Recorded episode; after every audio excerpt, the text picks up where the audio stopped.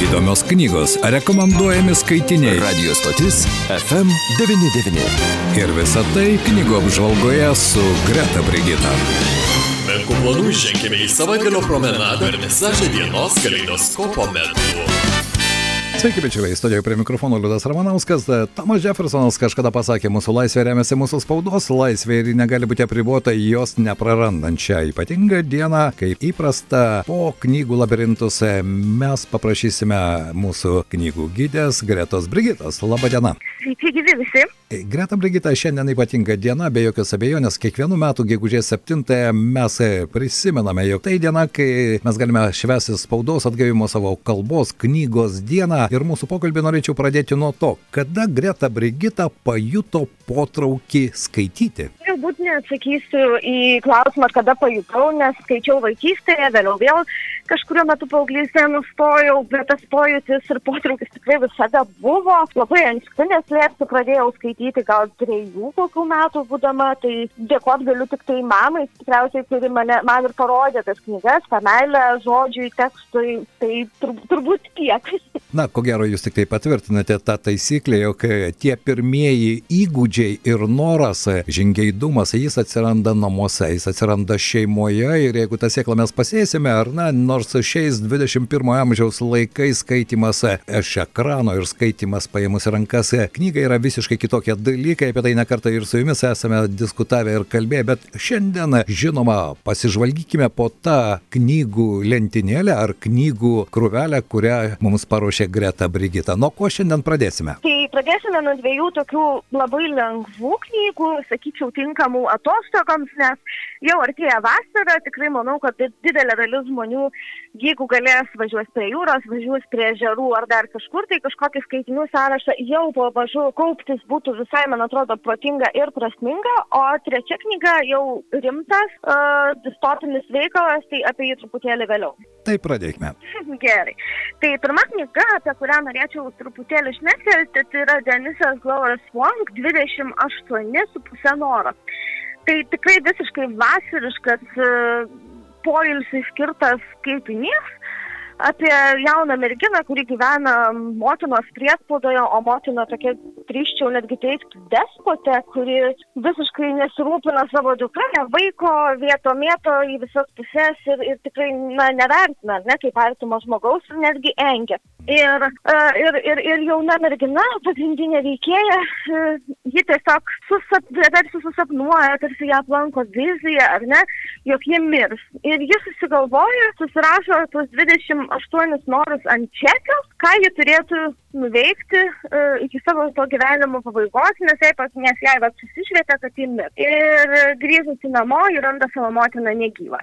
Tai toliau nieko nepasakosiu, bet uh, tiek ta motinos mirtis, tiek jos tas čekis labai stipriai apverčia jos gyvenimą iš tikrųjų, nes tie susirašyti norai, jie tarsi, na, taip ir iš vienos pusės drįstumėm, taip galbūt galėtų netekti prasmės, ar ne, nes Taip. Engiančio žmogaus juk nebėra šalia, jau atrodo laisvės yra, bet iš tiesų tai tampa tarsi dar stipresniu postumiu um, kažką keisti, kažką išbandyti, kažką daryti, to, ko, ko niekad nėra tekę daryti, nes mergina yra jauna ir ji tiesiog verčia savo gyvenime tiesiog visiškai naują puslapį, imasi naujos veiklos. Tai priminsiu, knyga vadinasi 28,5 noro labai lengva, labai smagi, tokia su trupučiuku tokiu detektyvo prieskoniu, ar ne, nes tikrai, manau, galim nutarti, ką apkaltina mamos mir- mirties, dėl mamos mirties. Um, tad lengvas romanas, lengvas skaitinys. Na, aš tikiuosi, kad e, mūsų klausytojai klausydami dar štai tokios trumpos e, su intriga šios knygos e, anotacijos irgi gali pabandyti padaryti panašų kažką ant čekio susirašyti 28,5 norus, na, bet tos tragiškos galbūt baigties, apie kurią jūs irgi kalbėjote ir pabandyti pažaisti ir žinoma po to perskaityti šią knygą. Suintrigavote, na, o dabar mes verčiame kitą knygą ir ką surasime? Kita knyga irgi lengvas tikrai kūrinys ir tinkamas atostogams ir irgi teikti, gali- ganėtinai toks apie naujas pradžias, tai Lindos Holmes ir Drake viską pradeda iš naujo. Tai pasakojimas sukasi apie mano bendravę, tokią 30 metų um, moterį, kuri mm, yra ištekėjusi, aplinka galbūt, sakyčiau, netgi mano, jog laimingai ištekėjusi. Tačiau ji tikrai nesijaučia santokoje laiminga ir nusprendė savo vyrą palikti. Sėdasi į mašiną, jau važiuoja ir kaip tik realiai susikrovus daiktus ir bevažiuojant, bėgant nuo vyro, uh, ją pasiekė skambutis, jog jos vyras mirė. Wow. Aha, taip. Ir moters truputėlį gyvenimas irgi apsiverčia aukštinkojomis, nes ji gyvena tarsi tokio palengvėjimo ir kalties jausmų mišinėje, sakyčiau, ar ne, kai, kai, kai galėtų galbūt jaustis ir labai gerai, nes, nes viskas pasisuko paprastesniu būdu, jie nereikėjo netgi pačiai to vyro palikti, bet iš kitos pusės jautiesi kaltas, ar ne, nes būtent tau bėgant to, to vyro ir nebelieka netgi gyvųjų tarpe. Ir aišku, ta istorija jinai labai fainai pasisuka, vėliau prasideda tas lengvesnis, e, lengvesnė jos versija, nes Evės gyvenime atsiranda mm, buvęs sportininkas, kuris truputėlį bando bėgti tiek nuo paparacijų, tiek, tiek nuo žurnalistų, tiek nuo apskritai viso jo besivėjančio gyvenimo ir apsigyveno jos name, nes jį truputėlį sunkiai sudarė galą su galu, tad dalį namo jam išnuomoja. Na ir galim, manau, įsivaizduoti, kas Taip. ten vėliau nutinka po kurio laiko, čia tikrai plėstis nereikia, bet uh, man asmeniškai tokios knygos ir yra mm, sakyčiau, optimizmo šioks toks, kai tu rūštais, ar ne, kai skaitai, žinai, kas bus, numanai, kad čia laiminga pabaiga laukia, numanai, kad, uh, bet tai ir duoda viso to jaukumo, to mm -hmm. tokio gyvenimui gražesnių truputėlių spalvų ir, ir, ir, ir nežinau, aš asmeniškai tikrai labai mėgstu, primenu, knyga vadinasi Evedrink, viską pradeda iš naujo, tai visai čia gerai sekėsi. Na, kiek pastebėjau, Greta Brigita, šiandien jau antra knyga tam tikrą prasme gyvenimo pokyčių pokyčių knygos, ar ne? Tam tikri lūžiai, tam tikri nutikimai ir staiga gyvenimas kaip ir knyga atsiverčia naują puslapį ir kaip mes jį perskaitysime. Ar tai yra kažkaip simptomiška, ar e, paprasčiausiai jūs paaiškinote, kad tai e, tokios knygos iš tikrųjų galbūt suteikia daugiau optimizmo ir šiek tiek daugiau galbūt motivacijų ir savo gyvenime? Aš manau, kad taip. Tiesiog pačiai rankos šiuo metu galbūt labiau tiesiasi link tokių knygų, kurios teikia šiek tiek daugiau vilties, kurios to optimizmo šiek tiek įneša į gyvenimą. E, tikriausiai pasąmoningai kažkaip tai gaunasi, kad imame į rankas tas knygas, kurios tuo metu yra reikalingiausios. Tai dažniausiai, dažniausiai tai sutampa.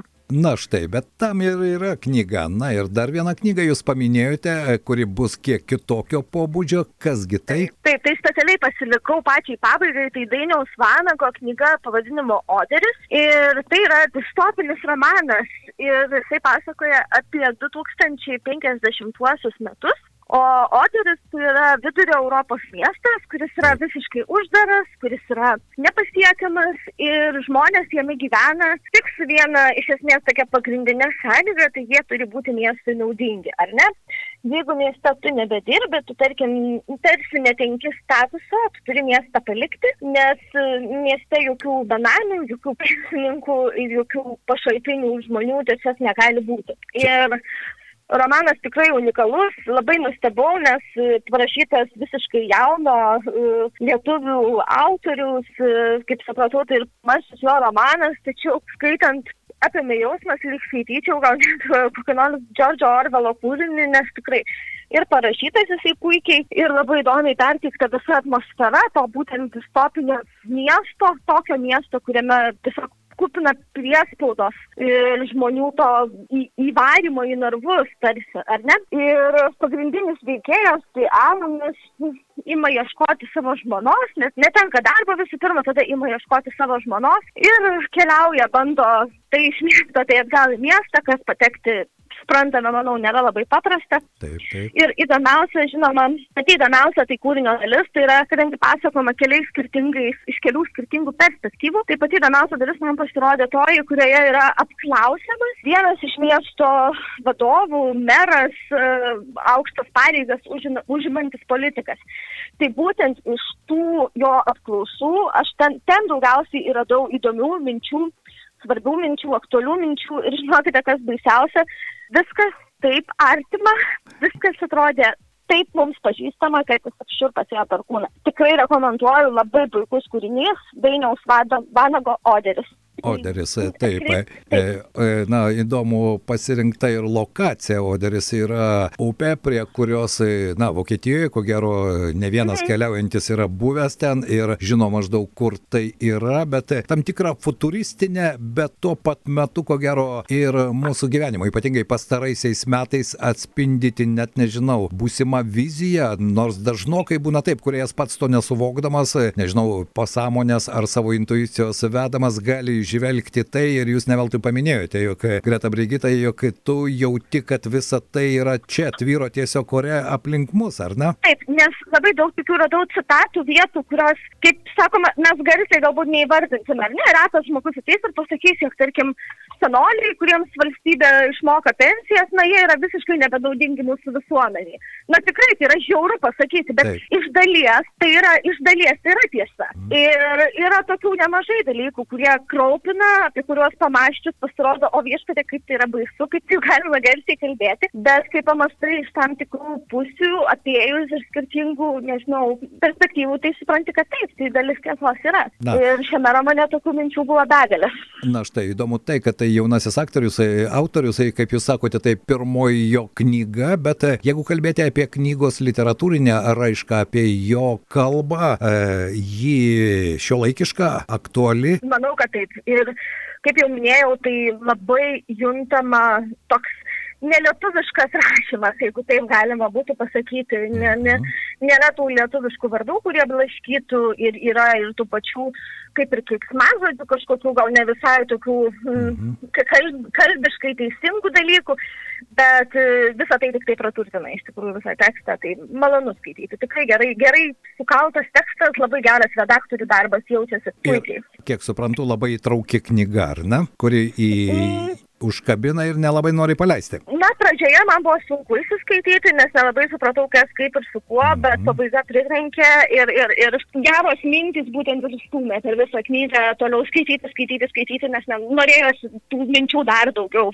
Na štai čia jūs mane irgi užintrigavote, jeigu pirmosios dvi knygos suprantu, kad aš galbūt nesurasiu joms laiko, bet štai kalbant apie šią futuristinę viziją, kuri turi sąsąjį su mūsų realybė ir jaunai autoriui ir jo knyga Oderis, čia mane tikrai užintrigavote, suradęs laiko tikrai pabandysiu tą knygą tikrai perversti, jo lapjok, o kas išleido, kokia leidykla išleido šią? Baltos lankos. Baltos lankos, viskas aišku, mhm. supratau. Labai gera rekomendacija. Greta Brigita, aš tikiuosi, kad iš tikrųjų jūs šiandien prakalbote jau apie artėjančias atostogas, žinau jūsų beprotišką potraukį kelionėms ir kaip jums atrodo, pavyks kažką realizuoti šiais metais? Šiais metais manau, kad gal dar ne, nors iki rudens yra tikrai labai toli, tad, tad nespėsiu, nespjausiu kol kas iš šulinį, nes nieko negaliu planuoti, Taip. nes visi, visi ribojimai ir ne, jie kinta kas mėnesį, mes vieną mėnesį manome, kad busime laisvi, o kitą mėnesį paaiškėja, kad taip nebėra.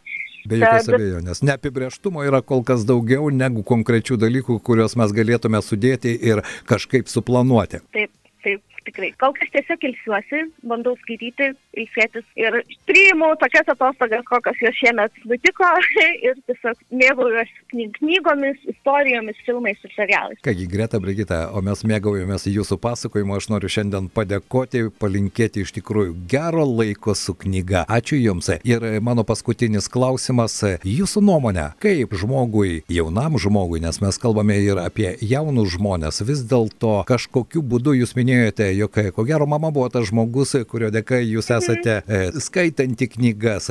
Kas šiais laikais galėtų būti tas kabliukas, kuris gali paskatinti žmogų paimti į rankas knygą? Aš manau, jog turi kažkas labai labai sudominti, paliesti tema arba kažkoksai aktualus dalykas, kuris toje knygoje yra minimas ir skaitimas ne, ne, neapsiriboja juk vien tik grožinė literatūra, tai galbūt užtenka, Taip. kad žmogus domėtųsi kinu ir imtųsi kažko skaityti apie kažkokias kino žvaigždės arba kažkokią kino kūrybą, industriją ir panašius dalykus. Bet tiesiog norėtųsi, kad atrastų, kas apskritai jam gyvenime yra svarbu ir rūpi ir tada būtent nuo to ir pradėtų. Kągi, visiems linkime padaryti tą pirmą žingsnį. Ačiū Greta Brigita šiandien ir gero laiko. Ačiū Jums. Dėkui, labai gerą savaitgalį.